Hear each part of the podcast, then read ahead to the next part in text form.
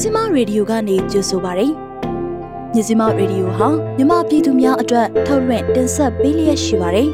။ကျမတို့ရဲ့မြစီမရေဒီယိုကိုနေ့စဉ်ည6နာရီခွဲမှည9နာရီခွဲထိလိုင်းဒိုမီတာ16မီတာစက္ကွန်တသမခွန်3မဂါဟက်ကနေပြီးတော့ဖမ်းယူနားဆင်နိုင်ပါပြီ။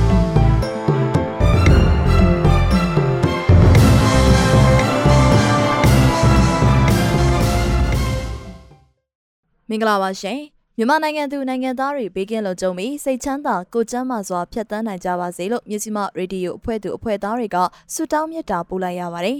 ဇန်နဝါရီလ16ရက်နေ့တနင်္ဂနွေနေ့ညမြစီမရေဒီယိုရဲ့သတင်းတွေကိုကျွန်မမှုနဲ့အတူမဝေရမိုးမြင့်ကပါတင်ဆက်ပေးမှာပါဒီကနေ့ညရဲ့သတင်းတွေထဲမှာတမိုးမျိုးပေါ်မှာစစ်ကောင်စီတပ်မိုင်းဆွဲခံရပြီး၄ဦးသေဆုံးဟုဒေသကာကွယ်ရေးတပ်ဆိုတဲ့သတင်း နမခတိုင်မှုအပြောင်းလဲအပြီးချင်းပြည်စစ်ရေးပိုပြင်းထန်လာကပလဝမြို့နယ်မှလွယ်၍ကျံမြို့နယ်အလုံးတိုက်ပွဲများဖြစ်တဲ့တဲ့တန့်ရန်မြို့နယ်မှာစစ်ကောင်စီလက်အောက်ခံပြည်သူစစ်မှလူသစ်စုဆောင်နေတဲ့တဲ့အလုံးမြို့နယ်မှာရှိတဲ့ထူး73စီဆိုင်မှာပောက်ကွဲမှုဖြစ်ပွားပြီးတဆိုင်လုံးနှီးပါမီးလောင်ကျွမ်းတဲ့တဲ့စတဲ့တဲ့တွေအပြင်အခြားစိတ်ဝင်စားဖွယ်ကောင်းတဲ့တဲ့တွေကိုပြောပြပေးမှာပါ သတင်းတွေအပြင်စီးပွားရေးသတင်းတွေနိုင်ငံတကာသတင်းတွေຫນွေဦးသူရဲကောင်းများအစီအစဉ်နဲ့ BNI အစီအစဉ်တွေကိုလည်းနားဆင်ရဖို့ရှိပါတယ်။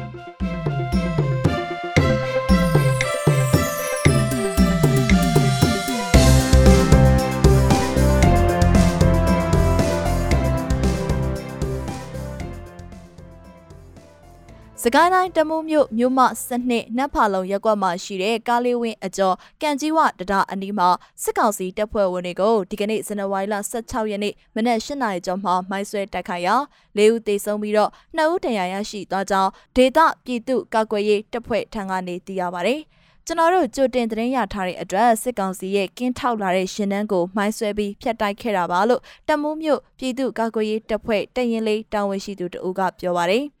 တမိုးမြို့ကားလေးဝင်းဖွင့်ပွဲကိုလာရောက်မဲ့လူကြီးခီးစဉ်လုံခြုံရေးရယူဖို့နတ်ဖာလုံဘက်အထိနေမြေရှင်းလင်းရေးထွက်ခွာလာတဲ့စစ်ကောင်စီတပ်ဖွဲ့ဝင်တွေတိုက်ခိုက်ခံရခြင်းဖြစ်ပါတယ်။တိုက်ပွဲအတွင်းဗရေဒါမိုင်း၄လုံးရှေ့ထွက်မိုင်း6လုံးနဲ့ဖောက်ခွဲခဲ့ပြီးတော့အပြန်အလှန်ပစ်ခတ်မှုအနည်းငယ်ရှိခဲ့ကပူပေါင်းတိုက်ခိုက်ခဲ့တဲ့ចောင်းသားတက်ခွဲ BSO နဲ့တရင်လေးမှတပ်ဖွဲ့ဝင်တွေအထိခိုက်မရှိပြန်လည်ဆုတ်ခွာနိုင်ခဲ့ပါတယ်။ တမူးမြို့လုံခြုံရေးအဖွဲ့တမူး security crew မှတမူးမြို့ပြည်သူ့ကာကွယ်ရေးတပ်ရင်း1နှစ်နဲ့သုံးများဖွဲ့စည်းလှုပ်ရှားခဲ့ပြီးတော့ယခုချိန်မှာလူအင်အားလက်နက်အင်အားတိုးပွားလာတာကြောင့်တရင်လေးကိုထပ်မံဖွဲ့စည်းထားပါတယ်။တမူးပြည်သူ့ကာကွယ်ရေးတပ်ဖွဲ့တရင်လေးဟာတမူးမြို့နယ်လုံခြုံရေး Federal Democracy စနစ်တိဆောက်ရေးနဲ့ဆရာနာရှင်အမြင့်ပြတ်ချင်းမုံရေးတို့အတွက်အစွမ်းကုန်တိုက်ပွဲဝင်သွားမယ်လို့ဆိုပါတယ်။ နောက်မြောက်တိုင်းစစ်ဌာနချုပ်နမခတိုင်းမှုအပြောင်းလဲပြီးမှချင်းပြည်နယ်မှာစစ်ရေးတွေပိုပြီးပြင်းထန်လာနေကပလောဝမြို့နယ်ကလွဲပြီးတော့ကျန်တဲ့မြို့အားလုံးမှာတိုက်ပွဲတွေဖြစ်ပွားနေတယ်လို့ချင်းပြည်နယ်အတွင်းစစ်ရေးလေးလာစောင့်ကြည့်နေတဲ့သတင်းအရင်းမြစ်ကပြောပါတယ်။အရင်အနောက်မြောက်တိုင်းစစ်ဌာနချုပ်နမခတိုင်းမှုဗိုလ်မှူးချုပ်ဖြိုးတန့်နေရာမှာကလေးမျိုးအခြေဆိုင်အမှတ်30စစ်စင်ရေးကုကဲမှုဌာနချုပ်တက်မှမှုတာဝန်ထမ်းဆောင်နေတဲ့ဗိုလ်မှူးချုပ်တန်းထိုက်ကိုအစားထိုးပြီးနောက်ပိုင်း တိုက်ပွဲတွေပိုများလာတယ်လို့ပြောရမယ်လို့သူကဆိုပါတယ်။စစ်တပ်ကအင်အားအများပြားဖြစ်တင်ပြီးတော့ဇန်နဝါရီလဆန်းပိုင်းကစပြီးချင်းပြည်နယ်အတွင်းမှာထိုးစစ်ဆင်လာကလက်ရှိတိုက်ပွဲတွေမှာလေကြောင်းမှာပြစ်ကူနေတယ်လို့သိရပါတယ်။ချင်းပြည်နယ်မှာတိုက်ပွဲမရှိတာအာဏာသိမ်းပြီးတော့နောက်ပိုင်းပလောဝမြို့ဖြစ်နေပါတယ်။ကျန်တဲ့မြို့တိုင်းနေပါကနေတိုင်းလိုလိုတိုက်ပွဲဖြစ်နေပါတယ်။အခုဆိုရင်ကလေးဘတ်ချမ်းကနေကလေးတိုင်ငင်တီးတိမ်ဘတ်ချမ်းကိုသူတို့စစ်ကြောင်းထိုးနေပါတယ် ကလေးဝေဘူးလာဖလန်းပတ်ချမ်းကိုလည်းစစ်ကြောင်းထိုးနေတယ်လို့ပြည်내အတွင်းစစ်ရေးအခြေအနေစောင့်ကြည့်နေသူကပြောပါတယ်။ဒါပြင်စစ်တပ်ကမင်းတပ်မတူဘီဘက်ကိုစင်ရင်တန်းနဲ့လွန်အားရိတ်ခါဖြစ်တင်းနေတာအပြင်မတူဘီကနေရေစွာဇိုးတုံဘတ်ချမ်းကိုလည်းစစ်ကြောင်းထိုးနေတယ်လို့သူကဆိုပါတယ်။ကျွန်တော်တို့သိထားရတာကသူတို့တွေရီမန်းချက်ကိုအရောက်သွားပြီးတော့ဖေဖော်ဝါရီတရက်နေ့မတိုင်ခင်ချင်းပြည်နယ်တစ်ခုလုံးကိုတပြိုင်နက်တည်းတိုက်မယ်လို့သိထားရတယ်လို့သူကဆိုပါတယ် အရင်ကချင်းပြည်နယ်အတွင်းနေမြေအစိုးဆုံးတိုက်ပွဲအများဆုံးနဲ့စစ်ဘေးရှောင်အများဆုံးရှိတဲ့ပလောဝမြို့ဟာအခုအချိန်မှာအစိုးရထိန်းချုပ်နိုင်တဲ့တခုတည်းသောမြို့ဖြစ်နေပါတယ်။ပလောဝမြို့ဟာ2020ပြည့်နှစ်ဧပြီလမှာရခိုင်တပ်တော် AA နဲ့စစ်ကောင်စီတပ်တွေတိုက်ပွဲဖြစ်ပွားမှုကြောင့်ကျေးရွာ21ရွာကဒေသခံဥယေ9000ကျော်စစ်ဘေးတိမ်းရှောင်နေရပြီးတမ17တမမှုကိုယ်တိုင်ကပလဝမှာလာရောက်အထိုင်ချခဲ့တယ်လို့မြို့ကန်တအူးကပြောပါတယ်။ အရင်ကတိုက်ပွဲတွေဖြစ်တယ်ဆိုတာကလည်း AA နဲ့တက်တွေပဲဖြစ်တာအခု AA ကလည်းမတိုက်တော့နေမြေတည်ငြိမ်နေပါတယ်။ဒါကြောင့်လဲ85နှစ်မြောက်စင်ရတုပြည်တော်စုနဲ့အခမ်းအနားကိုအကောက်အဖွဲ့တွေအားလုံးချင်းကိုစားပြုဆိုပြီးပလဝမျိုးကပဲခေါ်ကြတယ်လို့သိရတယ်။အခုဆိုအကတွေတောင်တိုက်နေကြတယ်လို့ပလဝဒေတာကန်ကပြောပါတယ်။လက်ရှိစစ်ကောင်စီရဲ့နောက်လိုက်ချင်းပြည်နယ်အဖွဲ့တွေမှာ ပလဝမြို့နယ်ဒေသခံတဘာဝပတ်ဝန်းကျင်ထိန်းသိမ်းရေးနဲ့တယံဇာတဝင်ကြီးဦးကျော်ငိမ့်နဲ့တိုင်းရင်းသားရေးရာဝင်ကြီးရခိုင်လူမျိုးဦးစိန်ထွန်းလာတို့နှစ်ဦးတာဝန်ထမ်းဆောင်နေပါတယ်။ ရှမ်းပြည်နယ်မြောက်ပိုင်းတန်ယန်မြို့နယ်မှာယခုဇန်နဝါရီလဇန်ပိုင်းမှာစစ်ကောင်စီလက်အောက်ခံမန်ပန်ပြည်သူစစ်မှတန်ယန်မြို့ပေါ်ရက်ွက်တွေအထိအတင်းအရမလူသစ်စုဆောင်းမှုတွေပြုလုပ်နေကြောင်းဒေသခံတွေထံကနေသိရပါဗျ။တန်ယန်မြို့နယ်အတွင်းမှာရှိတဲ့ကြေးရွာတွေမှာတရွာကိုတက်သားသစ်2ဦးနှုံမြို့ပေါ်ရက်ွက်တွေမှာနေမြေတစ်ခုကို2ဦးနှုံနဲ့တက်သားသစ်တွေတောင်းခံထားပြီးတော့တက်သားမပေးနိုင်မှာကတဦးကိုငွေကျပ်9000တောင်းခံနေကြောင်းဒေသခံတဦးကပြောပါဗျ။ ကျွန်တော်တို့နေတဲ့မြို့ပေါ်ရက်ွက်တွေအထိပါသူတို့လူလာတောင်းတယ်အုပ်စုနေမြေတစ်ခုကိုနှစ်ယောက်မပေးနိုင်ရင်ကိုသိန်းပေးရမယ်ပြောတယ် အခုတော့လူကြီးတွေဘယ်လိုလုပ်ရမလဲဆိုတာကိုတိုင်ပင်နေကြတော့လို့သူကပြောပြပါဗျ။မန်ပန်ပြည်သူစစ်သည်ရခင်ကတရင်မြင့်နယ်အတွင်းကြေးရွာတွေမှာသာလူသစ်စုဆောင်လေးရှိပေမဲ့လည်းအာနာသိမ့်ပြီးနောက်မြို့ပေါ်ရက်ွက်တွေအထိလှုပ်ရှားလာခြင်းဖြစ်ပါတယ်။တန်ရမ်းမြို့နယ်မှာမန်ပန်ပြည်သူစစ်အပြင်မိုင်းဟပြည်သူစစ်လည်းလှုပ်ရှားလျက်ရှိပြီးတော့ SSPB TNLA တိုင်းရင်းသားလက်နက်ကိုင်တွေလည်းလှုပ်ရှားလျက်ရှိပါတယ်။ဆက်လက်ပြီး အလုံမြင့်နယ်မှာရှိတဲ့273စီဆိုင်မှာပောက်ကွဲမှုဖြစ်ပွားပြီးတဆိုင်လုံးနီးပါးမီးလောင်ကျွမ်းတဲ့တဲ့ရင်ကိုတင်ဆက်ပေးမှာပါ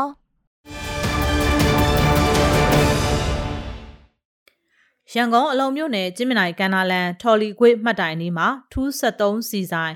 ဇန်နဝါရီ16ရက်နေ့ဒီနေ့မနက်အစောပိုင်းကပောက်ကွဲမှုဖြစ်ပွားပြီးမီးလောင်ခဲ့တယ်လို့ဒေသခံတွေထံကနေသိရပါဗျ။မနက်အစောကြီးအတန်အကျယ်ကြီးကြားရတော့တနတ်တန်မဟုတ်တာသိပါတယ်။တခုခုတော့ပောက်ကွဲပြီပေါ့။ဘ ယ်ကဖြစ်မှန်းလည်းမသိပါဘူး။နောက်မှထူးစီဆိုင်မီးလောင်နေတာကိုသိရတယ်လို့အနားမှာရှိတဲ့ပြည်သူတဦးကပောက်ကွဲမှုဖြစ်စဉ်ကိုပြောပါတယ်။ဥဒေစာပိုင်း True Group Company တွေကတခုဖြစ်တဲ့ True Petroleum Company Limited ရဲ့အယောင်ဆိုင်ခွဲဖြစ်ပြီးပောက်ကွဲမှုကြောင့်တဆိုင်လုံးနှီးပါမီးလောင်ကျွမ်းခဲ့တယ်လို့သိရပါတယ်။တိုက်ခိုက်မှုကမနက်၄နာရီဝန်းကျင်မှာလုပ်ခဲ့တာပါကျွန်တော်တို့ဓာတ်စီလောင်းနဲ့မိရှို့တယ်ဘုံနှလုံးဖောက်ခွဲခဲ့တယ်လို့ ထူးစီဆိုင်တိုက်ခိုက်မှုကိုပြုလုပ်ခဲ့တဲ့ Special Tech Agency of Burma SDA အဖွဲ့ကမြစည်းမကိုပြောပါတယ်မြန်မာနိုင်ငံမိသက်တပ်ဖွဲ့ရဲ့ထုတ်ပြန်ချက်မှာတော့အလုံမျိုးနဲ့ထော်လီကွေးမှတ်တိုင်အနီးမိလောင်မှုဖြစ်ပွားခဲ့ပြီး level 1အဆင့်မှာငြိမ်းသက်ခဲ့ရတယ်လို့ဖော်ပြထားပါတယ်။ဒါပေမဲ့မီးလောင်မှုဖြစ်ပွားခဲ့တာဟာ273စီဆိုင်လို့ဖော်ပြထားတာမရှိပါဘူး။ မကွေးတိုင်းမြိုင်မြို့နယ်လေယမစံပြကြေးရသား၃ကိုစစ်ကောင်စီတပ်ကတပ်ဖြတ်ကမိရှုထားခဲ့ကြောင်းသိရပါတယ်။အသက်ခံရသူ၃ဦးဘယ်သူတွေဖြစ်လဲဆိုတာကိုစုံစမ်းဆဲဖြစ်ကြောင်းရွှေတာပို Local People Defense Force ကထုတ်ပြန်ထားပါတယ်။လေယမစံပြကြေးရွာကိုစစ်ကောင်စီတပ်တွေဟာဇန်နဝါရီလ17ရက်နေ့မှာဝင်ရောက်စီးနင်းခြင်းဖြစ်ပြီးတော့ကြေးရွာအတွင်းလူနေအချို့ကိုဖျက်ဆီးကပြည်သူတွေကိုဖမ်းဆီးနှိပ်စက်ခဲ့ကြောင်းဆိုပါတယ်။ ရွှေသားဖို့အဖွဲ့ကထုတ်ပြန်တဲ့ဓာတ်ပုံတွေမှာရိုက်နှက်ခံထားရတဲ့ဒေသခံတွေကိုဒဏ်ရာတွေနဲ့တွေ့ရပါတယ်။စစ်ကောင်စီတပ်တွေဟာဇန်နဝါရီလ14ရက်နေ့ထိအဆိုပါကြေးရွာမှာတပ်ဆွဲနေထိုင်ကမှွေနှောက်ခဲ့ခြင်းဖြစ်ပါတယ်။စစ်ကောင်စီတပ်သားတွေဝင်ရောက်မှွေနှောက်ပုံနဲ့အဖြစ်ပြက်အလုံးစုံကိုဒေသခံတွေရဲ့လုံခြုံရေးအရာဖြည့်ချနိုင်ခြင်းမရှိသေးကြောင်းရွှေသားဖို့ Local People Defense Force မှဗိုလ်မှူးခကပြောပါတယ်။ နိုင်ငံတော်တိုင်ပင်ခံပုဂ္ဂိုလ်ဒေါအောင်ဆန်းစုကြည်ရဲ့ကိုရံတော်ဒူရဲ့အုပ်ချယ်ရီထက်ကိုစစ်ကောင်စီကဆွဲဆိုထားတဲ့စူပူစေယံလှုံ့ဆော်မှုပုံမှန်905ကကြီးအတွက်ဆွဲချက်တင်တယ်လို့အမိန့်ချမှတ်လိုက်ကြောင်းရမဲသိန်းအကျဉ်းထောင်နဲ့နှိစက်တဲ့သတင်းအရင်းမြစ်ကပြောပါရယ်ဒူရဲအုပ်ချယ်ရီထက်ကိုရမဲသိန်းအကျဉ်းထောင်အထူးတရားရုံးကဇန်နဝါရီလ23ရက်နေ့မှာအမှုအတွက်ရုံးထုတ်စစ်ဆေးခဲ့ရမှာတရားခွင်တရားသူကြီးကစစ်ဆေးချက်အပေါ်အခြေခံပြီးတော့ဆွဲချက်တင်ဖို့အမိန့်ချမှတ်လိုက်တာလို့ဆိုပါရယ်မတ်ချယ်ရီထက်ဟာ Facebook စာမျက်နှာကနေတဆင့် မတရားတာကိုမတရားဘူးလို့မပြောရရင်ပါဇက်ပိတ်ထားပါတရားပါတယ်လို့တော့မပြောပါနဲ့လို့၎င်း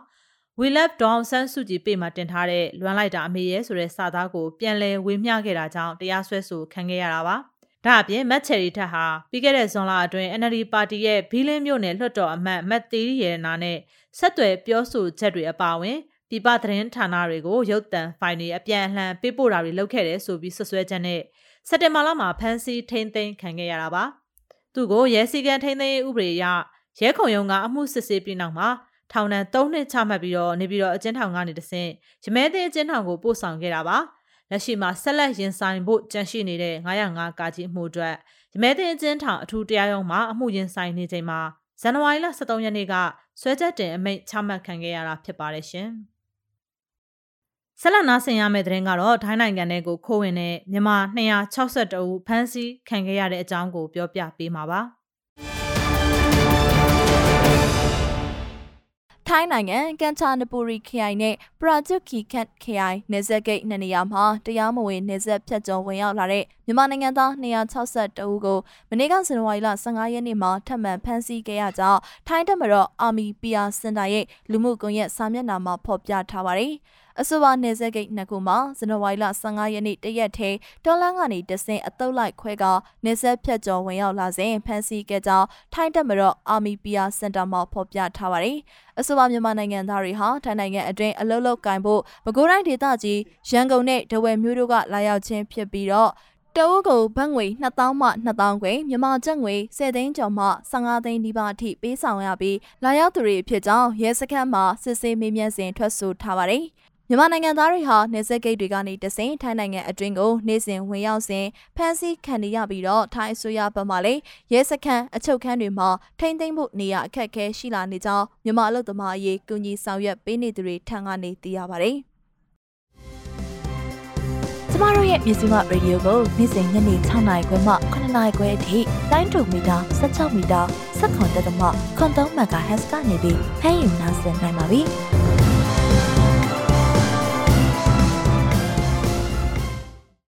ပြည်ရင်းသတင်းတွေကိုတင်ဆက်လို့ပြီးပါပြီအခုဆက်လက်ပြီးစီးပွားရေးသတင်းတွေကိုနားဆင်ကြရမှာပါမမေယူကပြောပြပေးသွားမှာပါ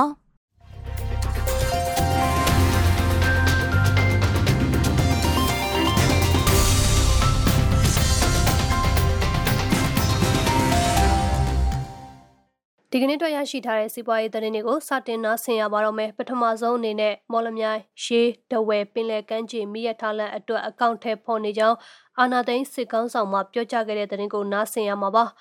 မော်လမြိုင်မြို့ကနေတဆင့်ရှေးမြို့ဒီကနေမှတဆင့်တဝဲတို့နဲ့ဆက်ဆက်နေတဲ့ကမ်းခြေတလျှောက်ပင်လယ်ကမ်းခြေမိရထားလမ်းကြောင်းကိုစီမံကိန်းရေးဆွဲနေပြီးအကောင့်ထဲဖော်နေပြီးဆိုပြီးတဝဲမြို့ကိုရောက်ရှိနေတဲ့အာနာသိန်းစစ်ကောင်းဆောင်ကဇန်နဝါရီလ14ရက်မှာပြောသွားပါတယ်။ဒါ့အပြင်ရှမ်းကုန်းမော်လမြိုင်တဝဲနဲ့ဗိတ်တလျှောက်ကမ်းခြေရေချောင်းလန်းခရီးစဉ်များပြည့်စွဲရေးကိုလည်းအကောင့်ထဲဖော်နေတယ်ဆိုပြီးတော့လည်းပြောခဲ့တာပါ လက်ရှိမှာတော့အာနာသိန်းစစ်အုပ်စုဟာမော်လမြိုင်မြို့အနီးမှာနိုင်ငံတကာအဆင့်မီအပြည်ပြည်ဆိုင်ရာစိတ်ကမ်းတစ်ခုကိုတိစောက်ဖို့စီမံကိန်းအကောင့်ထဲဖော်ရေးကြီးကြပ်မှုဗဟိုကော်မတီတရက်ကို2021ခုနှစ်ဒီဇင်ဘာလ10ရက်နေ့မှာဖွဲ့စည်းထားပြီးအခုအာနာသိန်းစစ်အုပ်စုရဲ့ခေါင်းဆောင်ပြောခဲ့တဲ့ပင်လယ်ကမ်းခြေမြစ်ရထားလမ်းစီမံကိန်းနဲ့ပတ်သက်ခြင်းရှိမရှိကိုတော့မသိရသေးပါဘူး။ စစ်ကောင်စီကမော်လမြိုင်မြို့ရဲ့အနီးမှာနိုင်ငံတကာအဆင့်မီပြည်ပြည်ဆိုင်ရာစိတ်ကမ်းတစ်ခုနဲ့လေယာဉ်ကွင်းသစ်တစ်ခုတည်ဆောက်မယ်လို့ဇန်နဝါရီ9ရက်ကထုတ်ပြန်ခဲ့တဲ့နိုင်ငံတော်ပြန်နှံမှာဖော်ပြထားပါတယ်။မြဝတီနဲ့ကော့ဂရိတ်ဒေသတဝိုက်မှာဖြစ်ပွားနေတဲ့အာဏာသိမ်းစစ်အုပ်စုရဲ့ထိုးစစ်တွေကြောင့်ထိုင်းနိုင်ငံကဝင်လာတဲ့ကုန်စည်တွေပိတ်ဆို့နေပြီးဈေးနှုန်းကြီးမြင့်မှုတွေကိုလည်းပြည်သူတွေကလက်ရှိမှာခံစားနေရတာပါ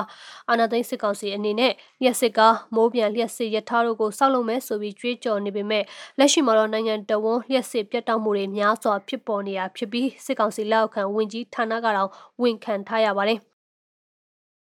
ဆက်လက်နားဆင်ရမှာကတော့မြန်မာပြည်အတွင်းမှာရှိတဲ့ဂျပန်နဲ့တောင်ကိုရီးယားအစိုးရရဲ့ဖွံ့ဖြိုးရေးစီမံကိန်းများပြန်လည်စတင်ရေးဆောင်ရွက်နေပြီဆိုတဲ့သတင်းကိုနားဆင်ရမှာပါ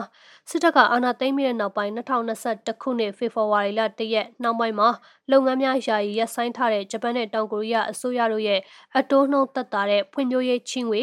ODA များနဲ့အကောင့်ထဲပေါ်နေတဲ့ဖွံ့ဖြိုးရေးစီမံကိန်းအချို့ကတော့အခုအခါမှာလုပ်ငန်းတွေပြန်လည်လက်ပတ်နေပါပြီ။ ဒီစီမံကိန်းတွေထဲမှာရန်ကုန်မြို့ဒလဒရစီမံကိန်းတန်လျင်တဒါမြို့ပတ်ရထားလမ်းအဆင့်မြင့်တင်ခြင်းစီမံကိန်းအချို့ပါဝင်ပြီး2021ခုနှစ်ဇွန်လလပတ်ဝန်းကျင်ကစတင်လို့လုပ်ငန်းတွေအနည်းငယ်လှုပ်ဆောင်ခဲ့ပြီးအခု2022ခုနှစ်ဇန်နဝါရီလအတွင်းမှာတော့80ရာခိုင်နှုန်းကန်သောလုပ်ငန်းတွေပြန်လည်လည်ပတ်နေပြီဖြစ်ကြောင်းအဲ့ဒီစီမံကိန်းတွေကိုလောက်ကင်ခွင့်ရရှိထားတဲ့ကုမ္ပဏီကြီးတွေမှာတဆင့်ခံကန်ထရိုက်ရရှိထားတဲ့ကုမ္ပဏီတွေရဲ့ဝန်ထမ်းအချို့ထံကသိရှိရပါတယ် ဒီစီမံကိန်းတွေကိုဂျပန်ကုမ္ပဏီနီပွန်စစ်ကနယ်ကနေပြီးတော့လုပ်ငန်းဆောင်ရွက်လျက်ရှိတာဖြစ်ပြီးပြီးခဲ့တဲ့နှစ်ဇွန်လပိုင်းမှာစတင်ကလုပ်ငန်းတွေကိုပြန်လည်ဆောင်ရွက်လျက်ရှိတာဖြစ်ပြီးအခုချိန်မှာတော့ပုံမှန်နီးပါးလုပ်ငန်းပြန်လည်လုပ်ကိုင်လျက်ရှိနေပါပြီ။ဒါပြင်ရန်ကုန်မန္တလေးရထားလမ်းမိုက်ရှိပဲခူးနဲ့တောင်ငူမြို့တို့မှာရထားလမ်းမိုက်အစိမ့်မြင့်တင်ခြင်းလုပ်ငန်းတွေကိုလည်းပြီးခဲ့တဲ့2021ခုနှစ်နှစ်ကုန်ပိုင်းကစတင်လို့ပြန်လည်လုပ်ကိုင်လျက်ရှိနေကြောင်းသိရပါတယ်။ကိုရီးယားနိုင်ငံအစိုးရမှစီးပွားရေးဖွံ့ဖြိုးရေးပူးပေါင်းဆောင်ရွက်ရေးရှမ်းပုံငွေရဲ့ချင်းငွေ American Dollar တန်း180ကျော်နဲ့တိစောက်နေတဲ့ကိုရီးယားမြန်မာချစ်ကြည်ရေးဒလဒရာစီမံကိန်းဟာလည်းပြီးခဲ့တဲ့2021ခုနှစ်စက်တင်ဘာလဝန်းကျင်ကစတင်လို့လုပ်ငန်းတွေကိုပြန်လည်လှုပ်ဆောင်နေပါပြီ။ဂျပန်ပြည်ပြည်ဆိုင်ရာပူးပေါင်းဆောင်ရွက်ရေးအေဂျင်စီ JICA ရဲ့ချင်းငွေနဲ့တည်ဆောက်နေတဲ့တန်လင်တရာစီမံကိန်းဟာလည်းလက်တလုံးမှာပြန်လည်စတင်ခြင်းတော့မရှိသေးပေမဲ့မကြာမီမှာလုပ်ငန်းပြန်လည်စတင်ဖို့အင်ဂျင်နီယာနဲ့အလုပ်သမားများကိုအလုပ်ပြန်ခေါ်ယူနေပြီလို့လည်းသိရပါတယ်။ အခုပြန်လဲစတင်နေတဲ့ဂျပန်နဲ့တောင်ကိုရီးယားအစိုးရတို့ရဲ့ဖွံ့ဖြိုးရေးစီမံကိန်းတွေဟာအရင်အရသာအစိုးရလက်ထက်မှာသဘောတူညီမှုရရှိထားပြီးအကောင့်တွေဖော်နေစေစီမံကိန်းတွေကိုသာဆက်လက်အကောင့်တွေဖော်နေရဖြစ်ပြီးစစ်အာဏာသိမ်းပြီးတဲ့နောက်မှာဖွံ့ဖြိုးရေးစီမံကိန်းအသစ်တွေကိုတော့အဲ့ဒီနိုင်ငံတွေကရပ်ဆိုင်းထားတာလည်းဖြစ်ပါတယ်။ ဒီနောက်ဆက်လက်နားဆင်ရမှာကတော့2020 2021ဘဏ္ဍာနှစ်မှာအခွန်ဝင်ငွေကျပ်4.8 trillion ရရှိခဲ့ပြီးကာလတူထက်ကို35ရာခိုင်နှုန်းကျဆင်းသွားတဲ့တဲ့တင်ကိုနားဆင်ရမှာပါ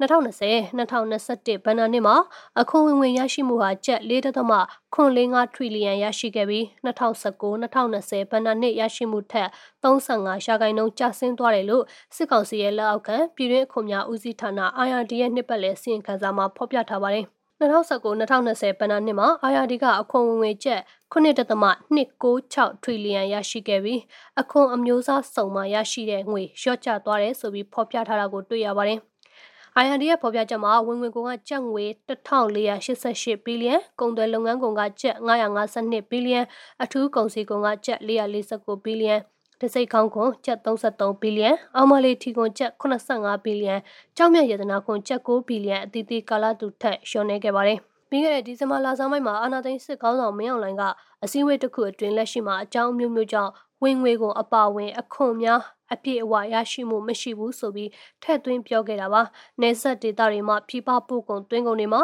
အခွန်ငွေကောက်ခံမှုများစနစ်တကျမရှိလို့နိုင်ငံအတွက်နစ်နာမှုတွေများစွာဖြစ်ပေါ်နေတယ်ဆိုပြီးလဲအခွန်ငွေအပြည့်အဝရရှိရေးကိုမျက်ခြေမပြတ်စောင့်ကြည့်ဆောင်ရွက်ဖို့လိုတယ်ဆိုပြီးပြောသွားပါသေးတယ်။ ဆလနာဆီယမှာကတော့ရွှေဈေးနဲ့အမေရိကန်ဒေါ်လာဈေးအနည်းငယ်ပြန်ကျပြီးဆိုတဲ့သတင်းပဲဖြစ်ပါတယ်။ပြည်တွင်းဈေးကွက်မှာဇန်နဝါရီလဒုတိယပတ်ကစတင်လို့ဈေးတွေလှုပ်ခတ်ခဲ့တဲ့မြန်မာရွှေဈေးနဲ့အမေရိကန်ဒေါ်လာငွေလဲလှယ်နှုန်းတွေအခုတော့ပြန်လဲကျရိပ်ပြလာပါပြီ။ကမ္ဘာရွှေဈေးဒေါ်လာငွေလဲနှုန်းတို့နဲ့အတူမြန်မာရွှေဈေးကအခောက်ငွေတစ်ချက်သားကိုကျပ်18သိန်း9000ဝန်းကျင်အထိမြင့်တက်ခဲ့တာဖြစ်ပြီးကျပ်ငွေနဲ့ဒေါ်လာငွေလဲနှုန်းဟာပြပဈေးကွက်မှာတင်ဒေါ်လာကို2025ကျပ်အထိမြင့်တက်ခဲ့တာပါ။ ကမ္ဘာရေနံစိမ်းဈေးလည်းမြင့်တက်နေပြီးပြည်တွင်းမှာလိုအပ်တဲ့73စီကိုဝယ်ယူတင်သွင်းရမှာဒေါ်လာလိုအပ်ချက်လည်းပိုများလာလို့ပြည်တွင်းမှာဒေါ်လာငွေလဲနှုန်းနဲ့အတူ73စီဈေးရောရွှေဈေးပါလိုက်ပါမြင့်တက်သွားတာဖြစ်တယ်ဆိုပြီးဈေးကျွမ်းကျင်သူတွေကပြောကြပါတယ်ကမ္ဘာရွှေဈေးဟာဇန်နဝါရီလ17ရက်မှာတအောင်စကိုဒေါ်လာ1800အထက်ကိုစတင်ရောက်ရှိလာပြီးဇန်နဝါရီလ14ရက်မှာတော့တအောင်စကို1828ဒေါ်လာအထိမြင့်တက်နေတာပါပြည်တွင်းရွှေဈေးကတော့ဇန်နဝါရီလဒုတိယပတ်မှာအတက်ကျများခဲ့ပြီး ဇန်နဝါရီလ14ရက်မွန်းလွဲပိုင်းမှာရွှေဈေးဟာ18သိန်း5400ကျပ်ရှိနေပါတယ်။ကျပ်ငွေနဲ့ဒေါ်လာငွေလဲလှယ်နှုန်းကတော့1940နဲ့1980ကျားမှာရှိပြီးကျပ်2000အောက်ကိုပြန်လည်ကျဆင်းလာပါပြီ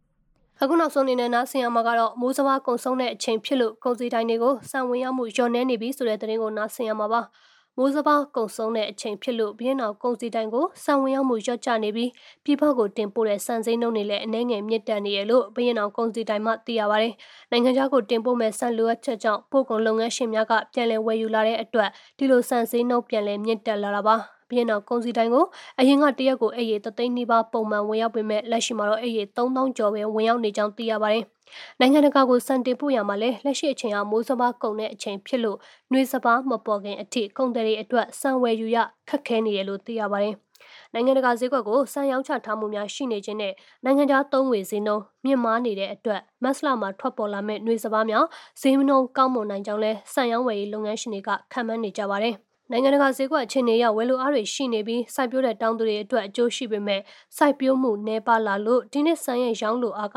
လျှော့နှဲလာတာတွေ့ရကြောင်းနောက်ထပ်နှွေးစပားမပေါ်မချင်းမှာတော့စံဝယ်ရခတ်နိုင်ကြောင်းလဲသုံးသပ်ထားတာပါနိုင်ငံတကာကိုစံတင်ဖို့ရမှာကုန်တစ်တာငှားရမ်းကဈေးနှုန်းမြင့်တက်နေခြင်းနဲ့ကုန်တစ်တာအခက်အခဲတွေကြောင့်တင်မောတွေကိုစင်းလုံးငှားရမ်းပြီးစံတွေကိုတင်မောဝမ်ဘိုက်ထဲကိုလောင်းထက်ကတင်ပို့နေရကြောင်းလဲသိရှိရပါတယ်ဒီကနေ့တွေ့ရရှိထားတဲ့စီးပွားရေးသတင်းတွေကတော့ဒီလောက်ပါပဲရှင်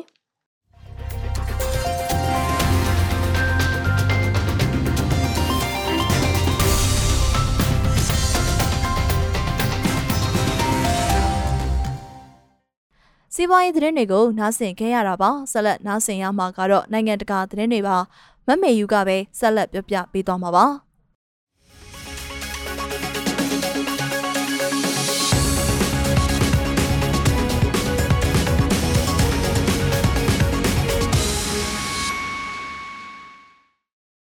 ဒီကနေ့တော့ရရှိထားတဲ့နိုင်ငံတကာသတင်းတွေကိုစတင်တင်ဆက်ပေးမှာပါတရုတ်ကိုတင်ပို့ထားတဲ့ VNet စိုက်ပျိုးရေးထုတ်ကုန်များရပ်ဆိုင်းထားရတဲ့သတင်းကိုဦးဆုံးနာဆင်ရမှာဖြစ်ပါတယ်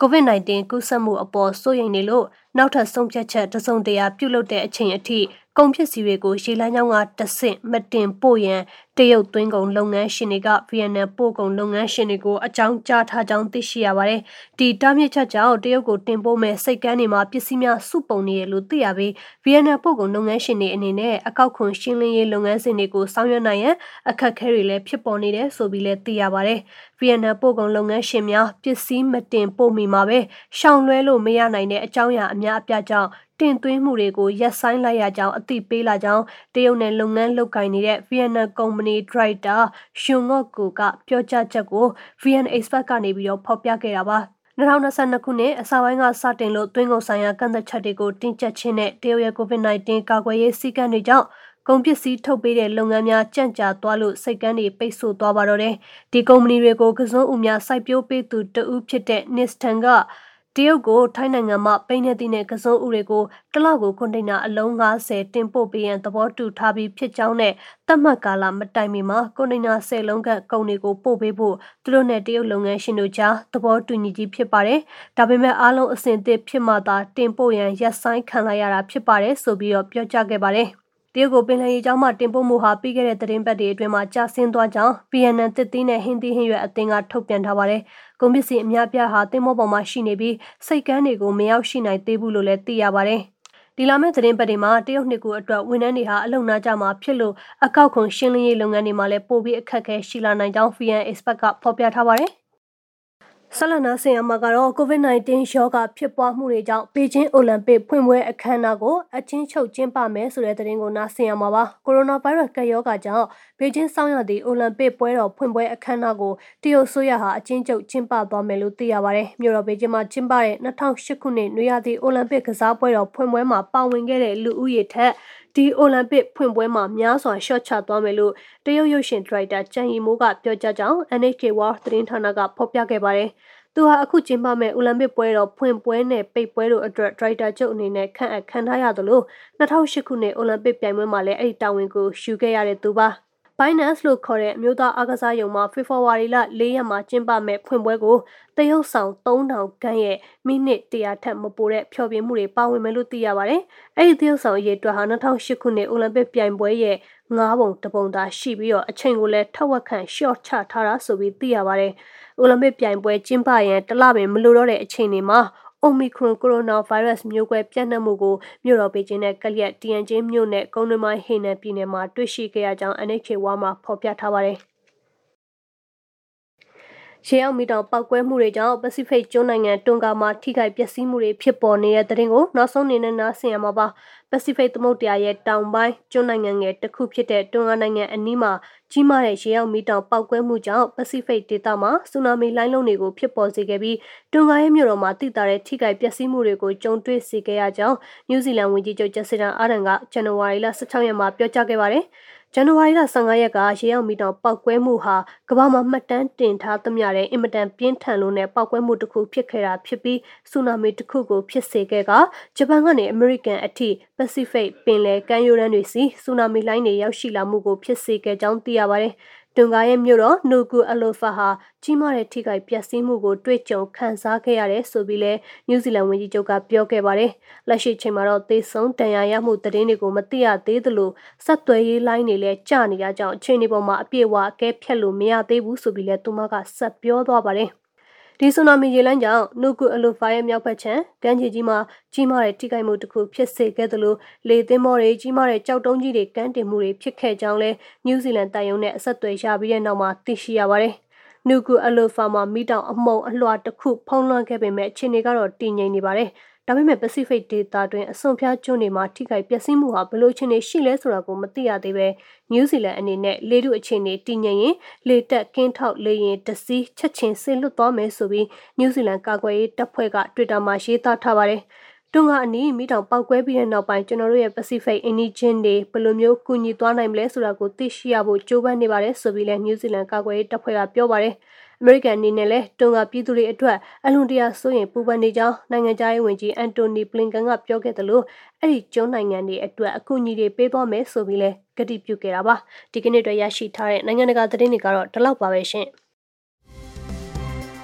ကျမတို့ရဲ့မြစီမရေဒီယိုကိုနေ့စဉ်ညနေ6နာရီခွဲမှ9နာရီခွဲအထိတိုင်းတူမီတာ16မီတာ7.3တက်သမခွန်3မဂါဟက်စ်ကနေပြီးဖမ်းယူနိုင်စင်နိုင်ပါပြီ။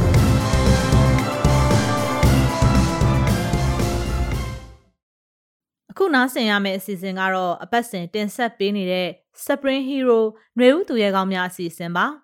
လူငယ်ဆန်ဆန်ဘဝကိုပပော့ပါပါဖြတ်တန်းခဲ့တဲ့လူငယ်လေးတယောက်ရဲ့ဘဝကိုဆက်အာနာသိမ့်မှုကဘလို့အပြောင်းလဲတွေဖြစ်စေခဲ့တာလဲသူခုံယူရတဲ့တော်လှန်ရေးရဲဘော်ဘဝမှာကြုံတွေ့ရတဲ့အခက်အခဲတွေနဲ့အမှတ်တရတွေအကြောင်းကာကျုပ်ဆိုတဲ့ရဲဘော်လေးတယောက်အကြောင်းကိုအခုတစ်ပတ်ရဲ့ຫນွေဦးသူရဲကောင်းများအစီအစဉ်ကနေတင်ဆက်ပေးလိုက်ပါတယ်ရှင်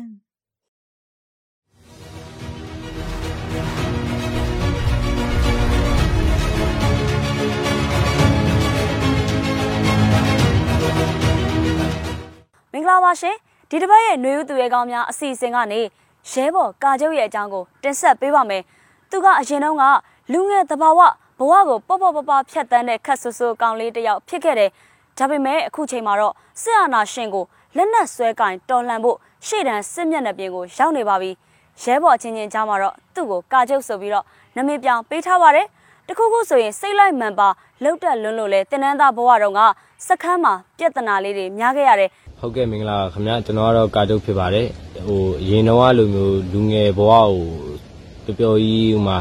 ဟိုခြားလူငယ်ချက်ပို့ပြီးဖြတ်တန်းခဲ့ပြီးတော့ခက်ဆိုးဆိုးကောင်းလေးအေးမလှုပ်ချင်တာလှုပ်တတ်တဲ့ကောင်းလေးမဟုတ်တော့ပါဘူးအခုဆိုလို့ရှိရင်ကျွန်တော်ကတော်လိုင်းရဲဘော်တပ်သားတယောက်ဖြစ်သွားပါပြီနိုင်ငံတာဝန်ထမ်းဆောင်နေတဲ့ရဲဘော်ကာတုတ်တယောက်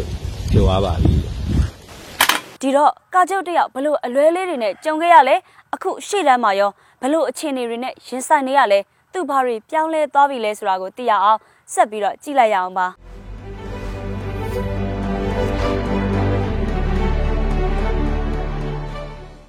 ဟုတ်ကဲ့ပါမောင်လေးအနေနဲ့ပေါ့နော်အခုလိုမျိုးလက်နက်ကင်လမ်းကြောင်းပေါ်မှာစပြီးတော့ရှောက်တော့မယ်ဆိုပြီးတော့ဆုံးဖြတ်လိုက်တဲ့အခါမှာဒီမိသားစုရဲ့သဘောထားကရောဘယ်လိုရှိလဲဟိုသူတို့ဘက်ကဘယ်လိုတုံ့ပြန်ကြသလဲပေါ့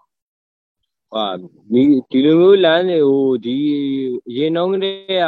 ကျွန်တော်အဲ့လိုမျိုးလှုပ်ချင်တာလှုပ်တတ်တယ် ကိုလှုပ်ချင်လို့ရမိဘကိုလည်းမတိုင်မင်တော့ဘူးဟုတ်ပါကိုကိုလှုပ်ချင်တာကိုကိုမှန်တယ်လို့ပဲတွေးတယ်ကောင်းတာဖြစ်မကောင်းတာဖြစ်ဖြစ်အခုလိုမျိုးတိတ်နေကျွန်တော်ကိုဒီမှာကျွန်တော်ဆုံးဖြတ်ပြီးတော့ပဲလာလာလိုက်တာဟုတ်ကဲ့ပါဒီအခုလက်ရှိစခန်းမှာဆိုလို့ရှိရင်လည်းရဲဘော်အချင်းချင်းကြားမှာဒီကာကျုပ်ဆိုတဲ့နာမည်ပြောင်းရထားတယ်ပေါ့ပြီးတော့ဟိုတလားဆိုလို့ရှိရင်လည်းဒီ PDF စခန်းမှာပြဿနာရှာတဲ့ကာကျုပ်ဆိုပြီးတော့အဲ့ဒီဗီဒီယိုဖိုင်ကလည်း Facebook မှာတော်တော်လေးပေါက်သွားတယ်ဟိုဒီတော့ဘလို့ဖြစ်ပြီးတော့ကာကျုပ်ဆိုတဲ့နာမည်ပြောင်းရသွားတာလဲဆိုတာလည်းပြောပြပေးပါဦး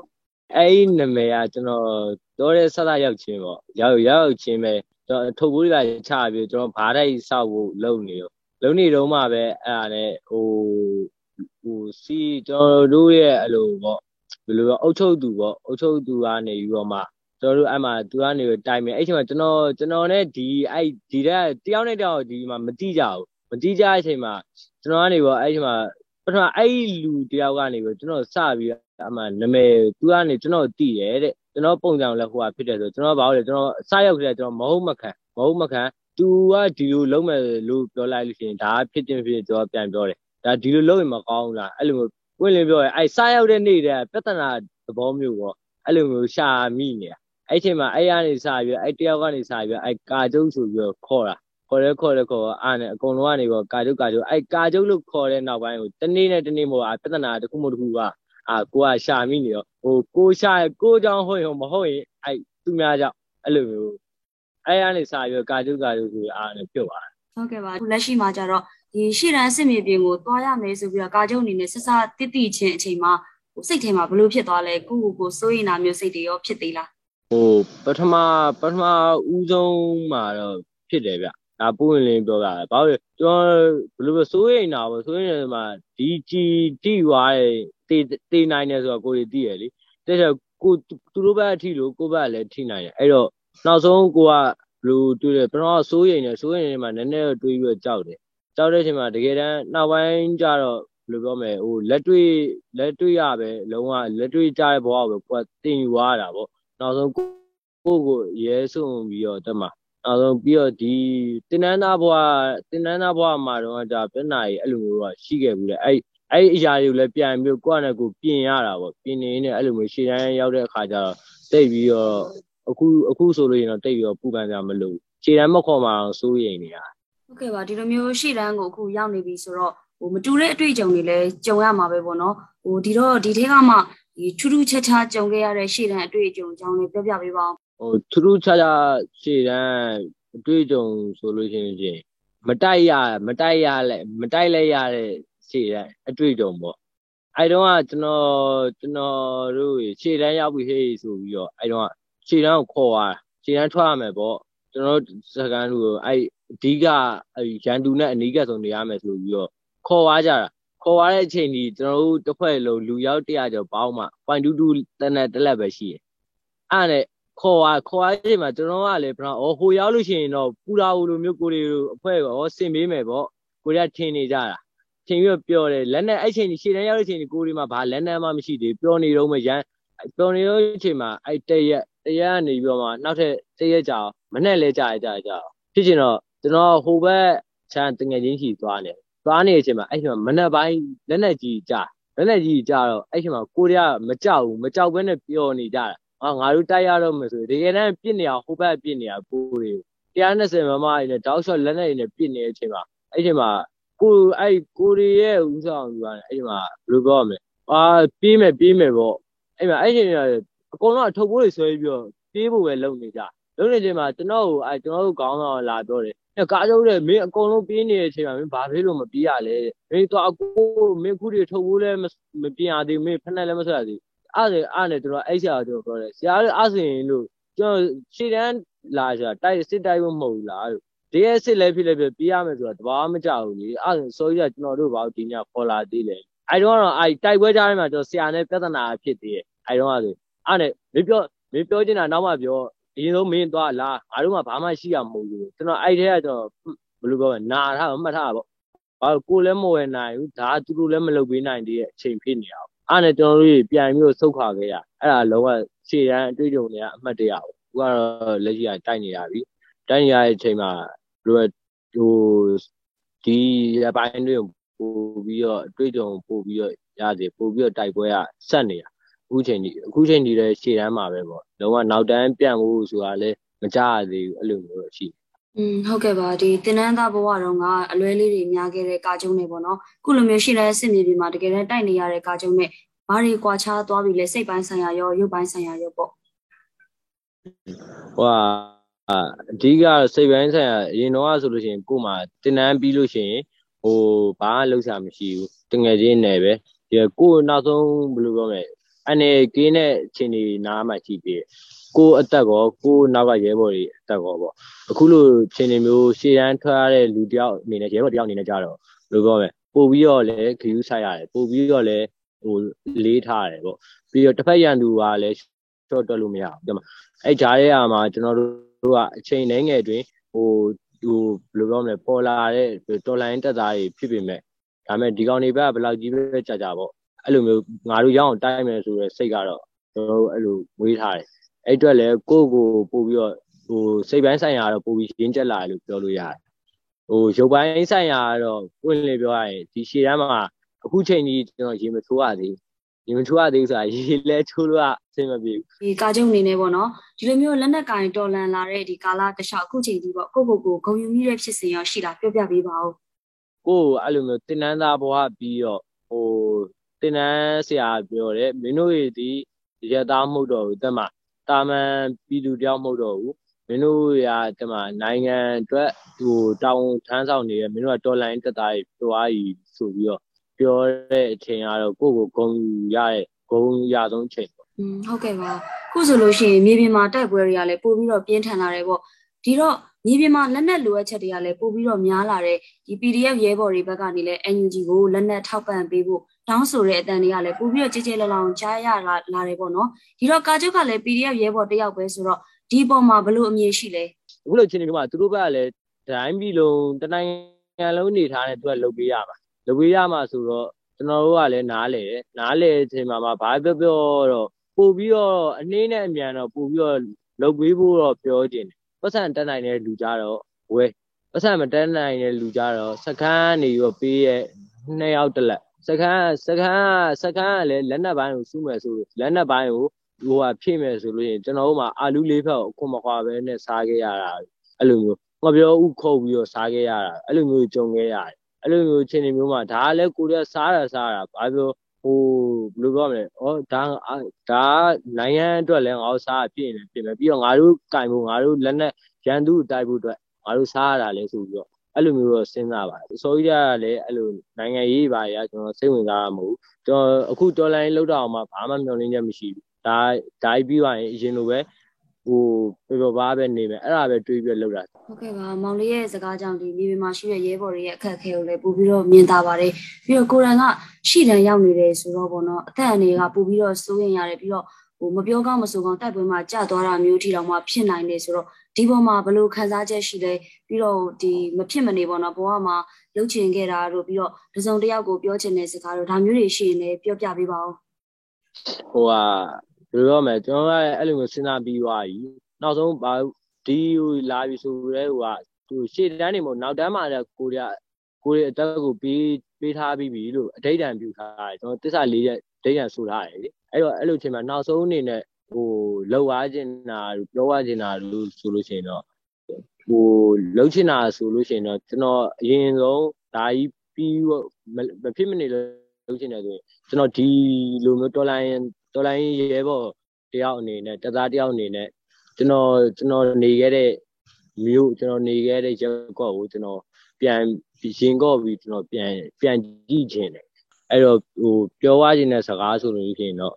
ဟိုလက်နဲ့ခဲရန်အလုံးလောက်အများဆုံးရရှိပါသေးလို့ပဲပြောခြင်းတယ်ဟုတ်ကဲ့ပါဒီအိမ်ကနေထွက်လာလဲကြာပြီဆိုတော့ဗောနော်တကြိမ်တစ်ခါမဟုတ်တော့ဗောနော်ဒီအိမ်ကိုလွမ်းလာတဲ့အိမ်ပြန်ကျင်တာဖြစ်မှာပဲဒီဘလို့အချိန်မှာပို့ပြီးတော့အိမ်ကိုလွမ်းလဲပြီးတော့အရင်တော့အချိန်တွေကိုတတိယတာမျိုးဘယ်ချိန်မှာပို့ပြီးတော့ဖြစ်လဲအဲအရင်တော့အချိန်ကိုပို့ပြီးဘလို့ဖြစ်လဲဆိုတော့အဲ့လိုမျိုးပေါ့ဟိုအခုရပိုင်းဆိုရင်ပို့ပြီးအောင်ဖြစ်တယ်ဖြစ်တယ်ဆိုတာဘာလို့လဲဘာလို့လဲကိုကဒီမှာအသက်နဲ့ရင်းပြီးရင်ဆိုင်နေရတာ ရင်ဆိုင်နေရတဲ့အချိန်မှာပို့ပြီးတော့ဖြစ်တယ်အဲ့လိုဘာပြောကိုစိုးခဲ့မိုက်ခဲ့တာပဲဖြစ်ဖြစ်ကိုပျော်ပါခဲ့တဲ့အရာတွေပဲဖြစ်ဖြစ်အဲ့လိုအရာတွေဒီအဲ့လိုမျိုးနောက်ဆုံးရန်သူတက်လာပြီဟေ့ဆိုတဲ့အချိန်မှာမှပြန်ပြီးတော့တတိရတယ်။ဘာလို့လဲကိုယ့်ရဲ့အသက်ကအဲ့ချိန်မှာ95ရာခိုင်နှုန်းလောက်ပေးပြီးသွားပြီ။ကျန်တဲ့9ရာခိုင်နှုန်းပဲကျန်တော့တာကိုကအဲ့ချိန်မှာတိုက်ပွဲဖြစ်ပြီးဟေ့ဆိုကိုကြားရင်လည်းကြာသွားနိုင်တယ်။အဲ့လိုမျိုးခြေနေမျိုးတော့ရှိတယ်။ အဲ့လိုခြေနေမျိုးတွေမှာပို့ပြီးတော့တတိရဖြစ်တယ်။ပြီးတော့ညဘက်ကင်းဆောက်တဲ့ချိန်ပေါ့အဲ့လိုမျိုးဟိုပြီးခဲ့လာဆိုကြည်တော်တော်ဆုံးတယ်။အဲအဲ့တော့ဆိုကျွန်တော်ထိုင်ပြီးတော့အဲ့လိုမျိုးစဉ်းစားမိရလေးပဲရှိတယ်ဟုတ်ကဲ့ပါဒီတော်လန်ရေးကြီးပြီးသွားလို့ရှိရင်ဒါအိမ်ကိုလည်းအမြဲဆုံးပြန်နိုင်ပါစေပြီးတော့ဒီခုနမောင်လေးပြောသွားသလိုပဲပေါ့ကိုယ့်ရဲ့ကိုယ်ရာကိုခေါင်းမော့ရင်ကော့ပြီးတော့ပြန်နိုင်ပါစေလို့လည်းဆုတောင်းပေးပါတယ်ဒီမောင်လေးအနေနဲ့ပြည်သူတွေကိုဗားတွေများပြောချင်တာရှိသေးလဲအခုအခုလိုအခြေအနေမျိုးမှာကျွန်တော်တို့ရဲ့မျှော်လင့်ချက်ကပြည်သူတွေရှိမှပဲရှိတာလို့ ပြည်သူတွေရဲ့ချွေးနှဲစာနဲ့ပေးလိုက်တဲ့ကြည်တောင်းကိုကျွန်တော်တို့ကလည်းအလွယ်လေးဘယ်တော့မှမပြစ်ပါဘူးလို့အဲ့တော့ဒီကောင်တွေကိုထိထိရောက်အောင်နဲ့ကျွန်တော်တယောက်တယောက်ကိုကြည်တောင်းတယောက်နှုံးနဲ့တကောင်နှုံးနဲ့ကျွန်တော်ပြစ်နေပါတယ်လို့ပြီးတော့ပြည်သူတွေကိုလည်းဆက်လက်ပြီးတော့ကြက်မှာကျွန်တော်တို့ကျွန်တော်တို့ဒီလိုမျိုးထောက်ပံ့ပေးရအတွက်ရောကျွန်တော်တို့အတွက်ဘာပဲဖြစ်နေဖြစ်နေနောက်ဆုံးကျွန်တော်တို့ချမ်းနေလားအေးနေလားလာမေးပေးတဲ့ပြည်သူတွေအကုန်လုံးကစတော့ဒီတော်လန်ရေးအများဆုံးပြီးအောင်ကျွန်တော်တို့ ဆောင်ရွက်ပြီးတော့တိုက်ခိုက်ပါပါမယ်လို့ပြောချင်ပါကာချုပ်တယောက်လက်နက်ကင်တော်လန်ရေးလမ်းကြောင်းကိုရှောက်တဲ့အခါမှာတော့မိသားစုနဲ့မိတ်ဆွေတွေရဲ့သူ့အပေါ်မှာထားတဲ့သဘောထားတွေကကောင်းတဲ့ဘက်ကိုပြောင်းလဲလာပါတယ်ဒီတော်လန်ရေးကြီးပြီးသွားတဲ့အခါကိုယ့်ရဲ့ရွာကိုခေါင်းမော့ရင်ကော့ပြီးတော့ပြန်ကျင်တယ်လို့ပြောလာတဲ့ကာကျုပ်ရဲ့စကားကလူငယ်တွေရဲ့ရင်ထဲကခန်းစားချက်တွေကိုလည်းပိုးပြီးတော့ပေါ်လွင်စေပါတယ်နောက်တစ်ပတ်တွေမှာလည်းမတူညီတဲ့ຫນွေဦးသူရဲကောင်းတွေကိုဒီစီစဉ်ကနေတင်ဆက်ပေးသွားမှာဖြစ်လို့စောင့်မျှော်ကြည့်ရှုဖို့ဖိတ်ခေါ်ရင်းနဲ့နှုတ်ဆက်လိုက်ပါရရှင်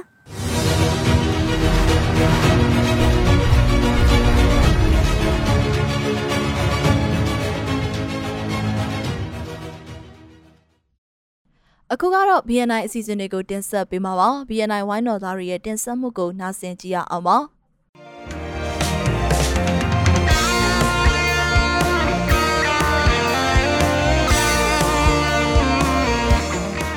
မင်္ဂလာပါရှင်နိုင်ငံတကာမြန်မာသတင်း BNI ရဲ့ဒီကနေ့ဇဇန်နဝါရီလ16ရက်နေ့အတန်လွင့်အစီအစဉ်တွေကိုစတင်နေပါပြီ ဒီအစီအစဉ်ကတော့တိုင်းသားဒေသတွေတဲကသတင်းတွေတိုင်းသားတွေရဲ့အတန်နဲ့အမြင်တွေကိုစူးစီးတင်ဆက်ပေးထားတာဖြစ်ပါတယ်နေ့စဉ်မြန်မာစံတော်ချိန်ညနေ9:15မိနစ်ကနေ9:00ခွဲအထိလိုင်းတူ16မီတာ19.3 MHz မှာဖမ်းယူနားထောင်နိုင်ပါတယ်။ကျွန်မကအမီပါ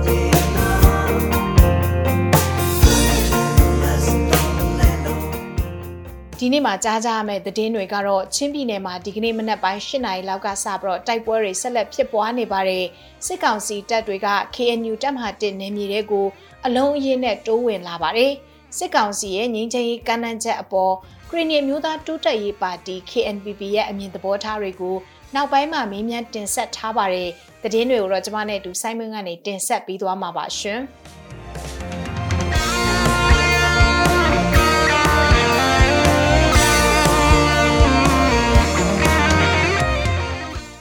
ချင်းပြည်နယ်တီးတိမ်မြို့နယ်ကလေးတီးတိမ်ကာလာမပေါ်ရှိဟိန်စင်ကျေးရွာနီးမှာဒီနေ့မနက်၈နာရီခန့်ကစစ်ကောင်စီတပ်နဲ့ပြည်သူ့ကာကွယ်ရေးပူးပေါင်းတပ်ဖွဲ့တို့အကြားတိုက်ပွဲဖြစ်ပွားနေတယ်လို့ချင်း PDF ဆိုလန်ကထုတ်ပြန်ပါတယ်။အင်အားတရာကျော်လောက်ရှိတဲ့စစ်ကောင်စီတပ်စစ်ကြောင်းတွေကစနွယ်လ12ရက်ကလေးကကလေးမြို့ကနေချင်းတောင်ဘက်ကိုစစ်ကြောင်းထိုးလာပြီးထေးဆန်ကျေးရွာမှာညအိတ်တဲခုခဲ့ကြပြီးတဲ့နောက်အဲ့ဒီစနွယ်လ73ရက်နေ့မနေ့ပိုင်းမှာ CNA CNDF PDF Solan CDM CN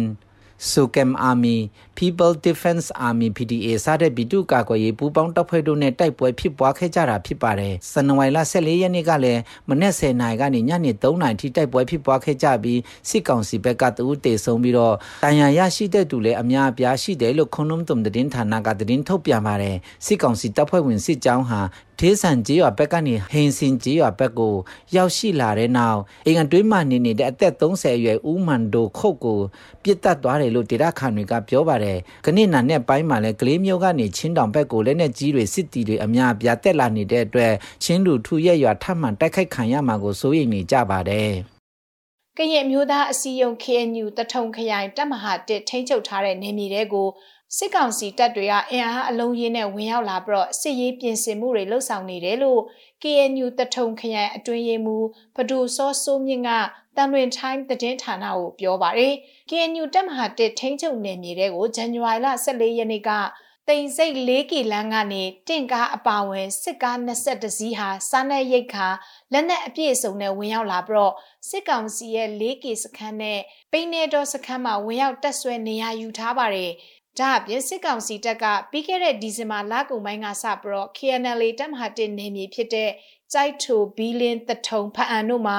စစ်အင်အားတိုးချက်ပြီးတော့စစ်ရေးပြင်ဆင်တာတွေဇက်တိုက်လှုပ်ဆောင်နေပါတယ်စစ်ကောင်စီတပ်ကအင်အားတိုးချဲ့ပြီးစစ်ရေးပြင်ဆင်လာတဲ့အတွက်ကြောင့်ပြည်내ခုခံဖို့အသင့်ပြင်ဆင်ထားတယ်လို့ KNU တထုံခရိုင်အတွင်းရေးမှူးဖတိုစောစိုးမြင့်ကပြောပါတယ် KNU တပ်မဟာတစ်ထဲကပြည်သူတွေအနေနဲ့လည်းအချိန်မရွေးတိုက်ပွဲတွေဖြစ်လာနိုင်တဲ့အတွက်ကြောင့်ကြိုတင်ပြင်ဆင်ထားကြဖို့နဲ့ထုတ်ပြန်ထားတဲ့ညွှန်ကြားချက်တွေကိုမဖြစ်မနေလိုက်နာပေးကြဖို့တိုက်တွန်းထားပါတယ်။ KNU တပ်မဟာတစ်ထိန်းချုပ်နယ်မြေမှာတော့စစ်တပ်ကအာဏာသိမ်းပြီးတဲ့နောက်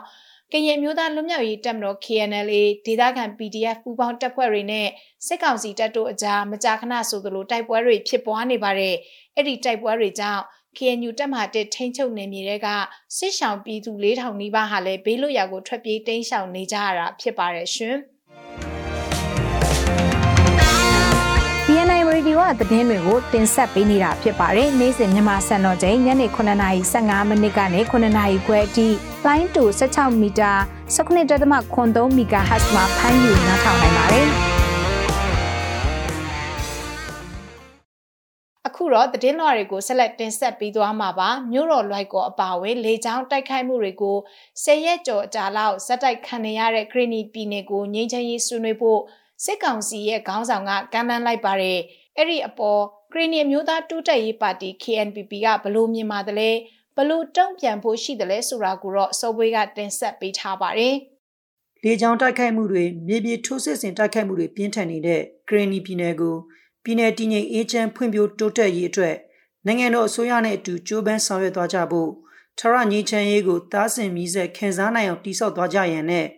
ငြိမ်းချမ်းခြေလန်းတစ်တွေပြန်လည်စတင်နိုင်ဖို့ငြိမ်းချမ်းဆွေးနွေးဖို့ဖိတ်ခေါ်ထားတယ်လို့ နှစ်80ပြည့်ကရားပြည်နယ်နေ့ကိုပေးပို့တဲ့အာနာသိန်းစစ်ကောင်းဆောင်ဗိုလ်ချုပ်မူကြီးမင်းအောင်လှိုင်ရဲ့တွဲလွှာမှာရေးသားထားပါတယ်ဒီကိစ္စနဲ့ပတ်သက်ပြီးကင်းဒီအမျိုးသားတိုးတက်ရေးပါတီ KNPP အတွင်းရေးမှူးနှင့်ဦးအောင်ဆန်းမြင့်ကကျွန်တော်တို့ကတော့ဘလောက်ကန်းလန်းလန်းလေနော်ကျွန်တော်တို့ကတော့သူတို့နဲ့ဆိတ်ဆက်ဆွေးနွေးဖို့မရှိဘူးဒီနေ့ကျွန်တော်တို့ရင်းနီပြည်ကတလောက်ကြေမွားပျက်စီးနေပြီကျွန်တော်တို့ဒီ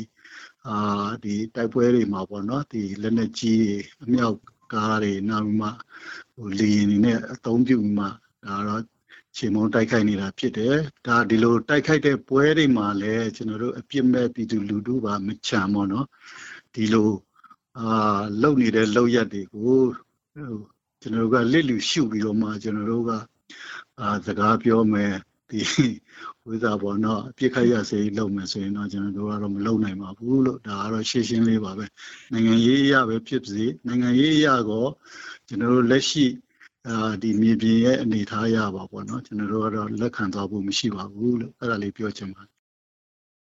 ဂရနီပြည်နယ်အတွင်းလက်ရှိဖြစ်ပျက်နေတဲ့စစ်ပွဲတွေနဲ့ပြည်သူတွေချိုးပေါက်ခံရတဲ့အခြေအနေတွေကိုလစ်လူရှုပြီး KNPP အနေနဲ့စစ်ကောင်စီနဲ့ငြိမ်းချမ်းရေးဆွေးနွေးစရာအကြောင်းမရှိသလို စစ်ကောင်စီရဲ့2008အောက်ကလုံမဲ့ဆွေးနွေးပွဲတွေကိုလည်းလက်ခံစရာအကြောင်းမရှိဘူးလို့ဦးအောင်ဆန်းမြင့်ကဆက်ပြောပါတယ်ကျွန်တော်တို့ဒီနိုင်ငံရေးရည်မှန်းချက်ကိုကကျွန်တော်တို့ကဒီမျိုးသားတန်းတူရေးတရားမျှတရေးနဲ့ကိုယ်ပိုင်ပြဋ္ဌာန်းခွင့်ပြေဝရှိတဲ့ Federal Democracy ပြည်အောင်စုတည်ဆောက်ရေးဆိုပြီးမှကျွန်တော်တို့နိုင်ငံရေးရည်မှန်းချက်ရှိတယ်လေဒါကြောင့်မလို့လဲကျွန်တော်တို့ဒီနေ့ NUCC NUG အစရှိရပေါ့နော် Federal Democracy တည်ဆောက်ရေးကို ဥစားပေါ့ဟိုလောက်သွားကြမယ်လို့ကျွန်တော်တန်တိဋ္ဌာန်ပြုထားကြတဲ့အဖွဲ့အစည်းနဲ့ကျွန်တော်ပူးပေါင်းပြီးလုပ်နေတာဖြစ်တယ်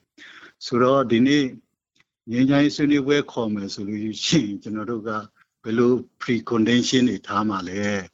ဆိုတော့ဒီနေ့2008လက်အောက်ကနေပြီးမှကျွန်တော်တို့ဟိုစားပေါ့အကျဉ်းပပြုလုပ်တဲ့ဒီ negotiation dialogue ကိုတော့ကျွန်တော်တို့ကတော့အဲဒါတော့လုံးဝလောက်သွားမှာမဟုတ်ဘူး2008 ကိုချီခံပြီးဆွေးနွေးတဲ့ဆွေးနွေးပွဲမှန်သမျှလည်းကျွန်တော်လက်ခံမှာမဟုတ်ဘူးပေါ့နော်အဲ့ဒါအဲ့ဒါတစ်ချက်ပါဒါကတော့နိုင်ငံရေးအရာပါဒါပြောတာတိုက်ပွဲတွေပြပြင်းထန်ထန်ဖြစ်ပွားနေတဲ့တစ်ဖက်မှာအခုလိုမျိုးငြိမ်းချမ်းဆွေးနွေးနိုင်ရေးစစ်ကောင်စီခေါင်းဆောင်ကတူဝလာပေးပို့တာကလည်းတစ်ဖက်ကနေကြည့်မယ်ဆိုရင်ငြိမ်းချမ်းရေးတည်ဆောက်နိုင်ရေးဆိုတာကသူတို့ရဲ့လူခွင့်ရေးချိုးဖောက်မှုတွေကိုဖုံးဖိချင်တဲ့သဘောမျိုးဖြစ်နေတယ်လို့ဆက်ပြောပါတယ်။ ငင်းချရေးဆွေးနွေးဖို့တဝင်လွာကိုဗိုလ်ချုပ်မူကြီးမင်းအောင်လှိုင်ကပေးပို့ထားပေမဲ့တစ်ဖက်မှာလည်းစစ်ကောင်စီတပ်နဲ့ KA, KNDF, PDF ပူးပေါင်းတပ်တွေကြားတိုက်ပွဲတွေကရော့ချမသွားသေးပါဘူး။တော်ရောမြို့ပါမကြံဖြစ်ပွားနေပါတယ်။ဒီတိုက်ပွဲတွေကြောင့်ကင်းနီပြည်နယ်ရဲ့လူဦးရေထက်ဝက်ကျော်ကစစ်ဘေးလူရတောတောင်တွေနယ်စပ်ဒေသတွေအပြင်ရှမ်းပြည်နယ်တောင်ပိုင်းအထိစစ်ရှောင်နေကြရပါတယ်။စစ်ဘေးရှောင်ဦးရေဟာအခုဆိုရင်တသိန်း9000ကျော်သွားပြီလို့ ကင်းနီရပ်ဘက်ဖွဲ့စည်းတွေရဲ့ထုတ်ပြန်ချက်တွေအရသိရပါတယ်။အခုဆက်ပြီးတော့ရှမ်းပြည်နယ်ကသတင်းတပုတ်ကိုကြားကြရမှာပါ။ COVID-19 ရောဂါကူးစက်ပြန့်ပွားမှုတိုင်းပြည်အာဏာကိုစစ်တပ်ကသိမ်းယူမှုတွေကြောင့်ပြည်သူလူထုဟာစီးပွားရေး၊ကျန်းမာရေး၊ပညာရေးအဖက်ဖက်ကကျွတ်ချုံကြနေပါတယ်။ဒီအချိန်မှာရှမ်းလက်နက်ကင်တပ်နှစ်တပ်အပါအဝင်ရှမ်းပြည်နယ်ကလက်နက်ကင်တပ်ဖွဲ့တွေကနေမြေစိုးမိုးရေးအားပြိုင်နေလို့စစ်ရေးပဏိပကတွေတရက်ထက်တရက်ကြီးထွားလာနေပါတယ်။ ဒါကြောင့်ရှမ်းလူထုထောင်တောင်းများစွာကလည်းစစ်ဘေးစစ်ဒဏ်တင့်နေပြီးအနာဂတ်အမျိုးသားရေးနိုင်ငံရေးစီးပွားရေးပညာရေးမျှော်မှန်းချက်တွေအတွက်ရှမ်းလူငယ်တွေကကမ်းမမြင်လမ်းမမြင်ဖြစ်နေကြရပါတယ်။ဒီအကြောင်းကိုတော့ဆိုင်းမွန်းကနေစူးစီးတင်ဆက်ပေးထားပါတယ်ရှင်။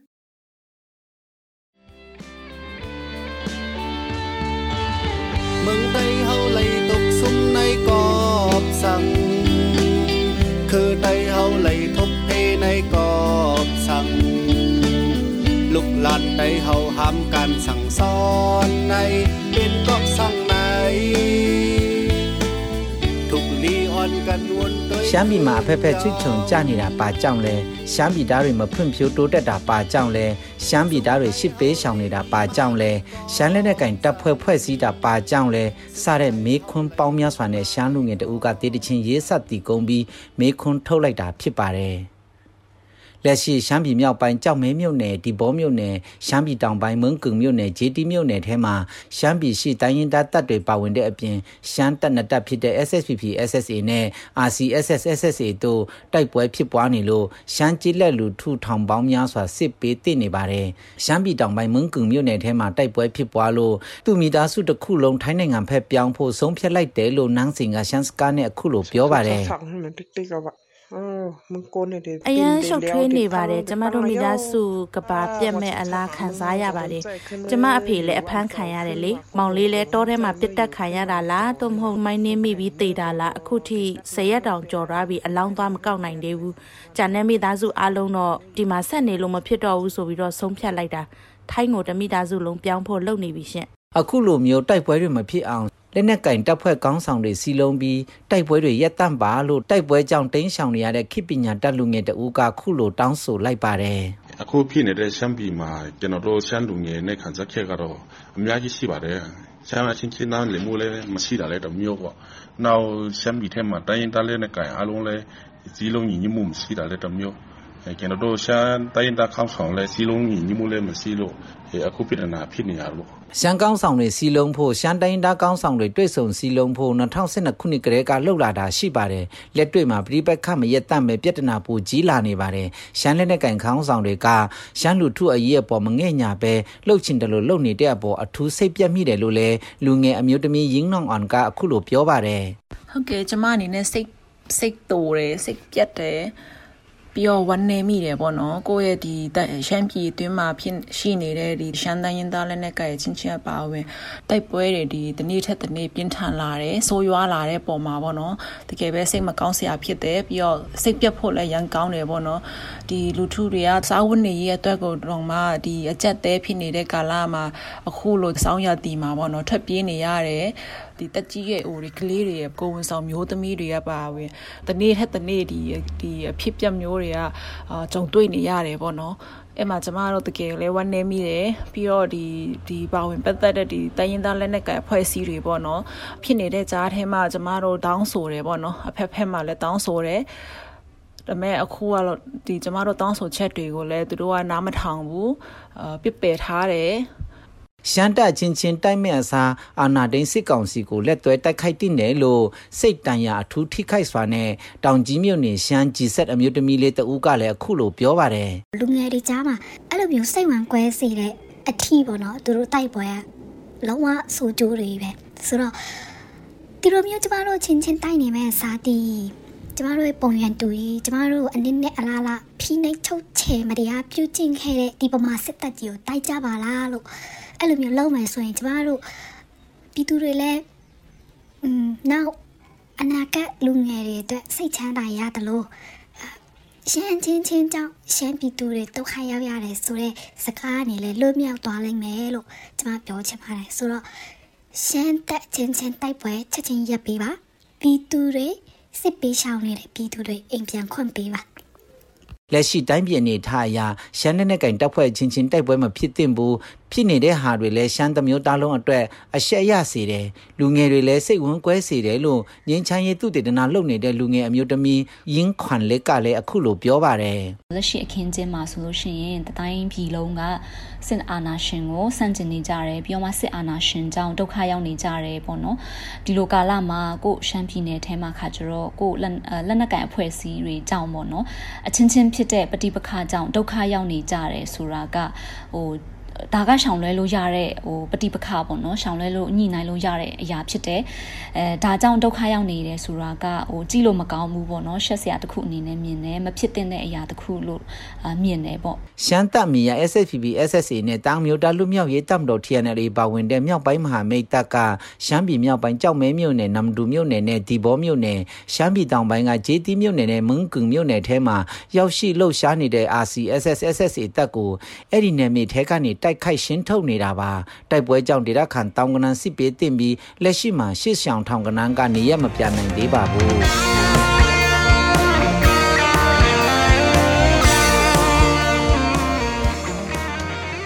အခုနားဆင်ခဲ့ကြရတာကတော့ BNI Radio ကနေ့စဉ်သတင်းအစီအစဉ်ပဲဖြစ်ပါတယ်ဒီအစီအစဉ်ကိုနေ့စဉ်မြန်မာစံတော်ချိန်ညနေ9:15မိနစ်ကနေ9:00ခွဲအထိ15မိနစ်ကြာထုတ်လွှင့်နေတာဖြစ်ပါတယ်။ နားဆင်ပေးတဲ့အတွက်ကျေးဇူးတင်ပါတယ်ရှင်ကျွန်မကအမီပါ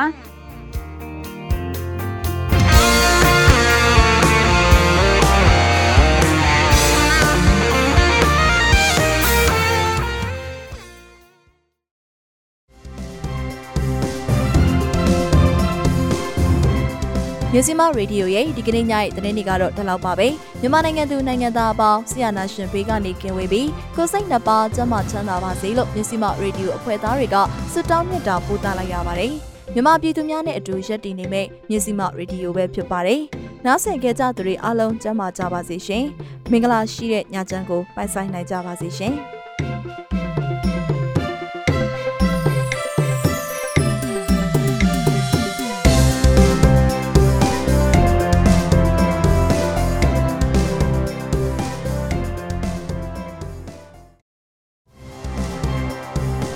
ကျမတို့ရဲ့မြစီမရေဒီယိုကိုနေ့စဉ်ည6နာရီခွဲမှည9နာရီခွဲထိလိုင်းဒိုမီတာ16မီတာ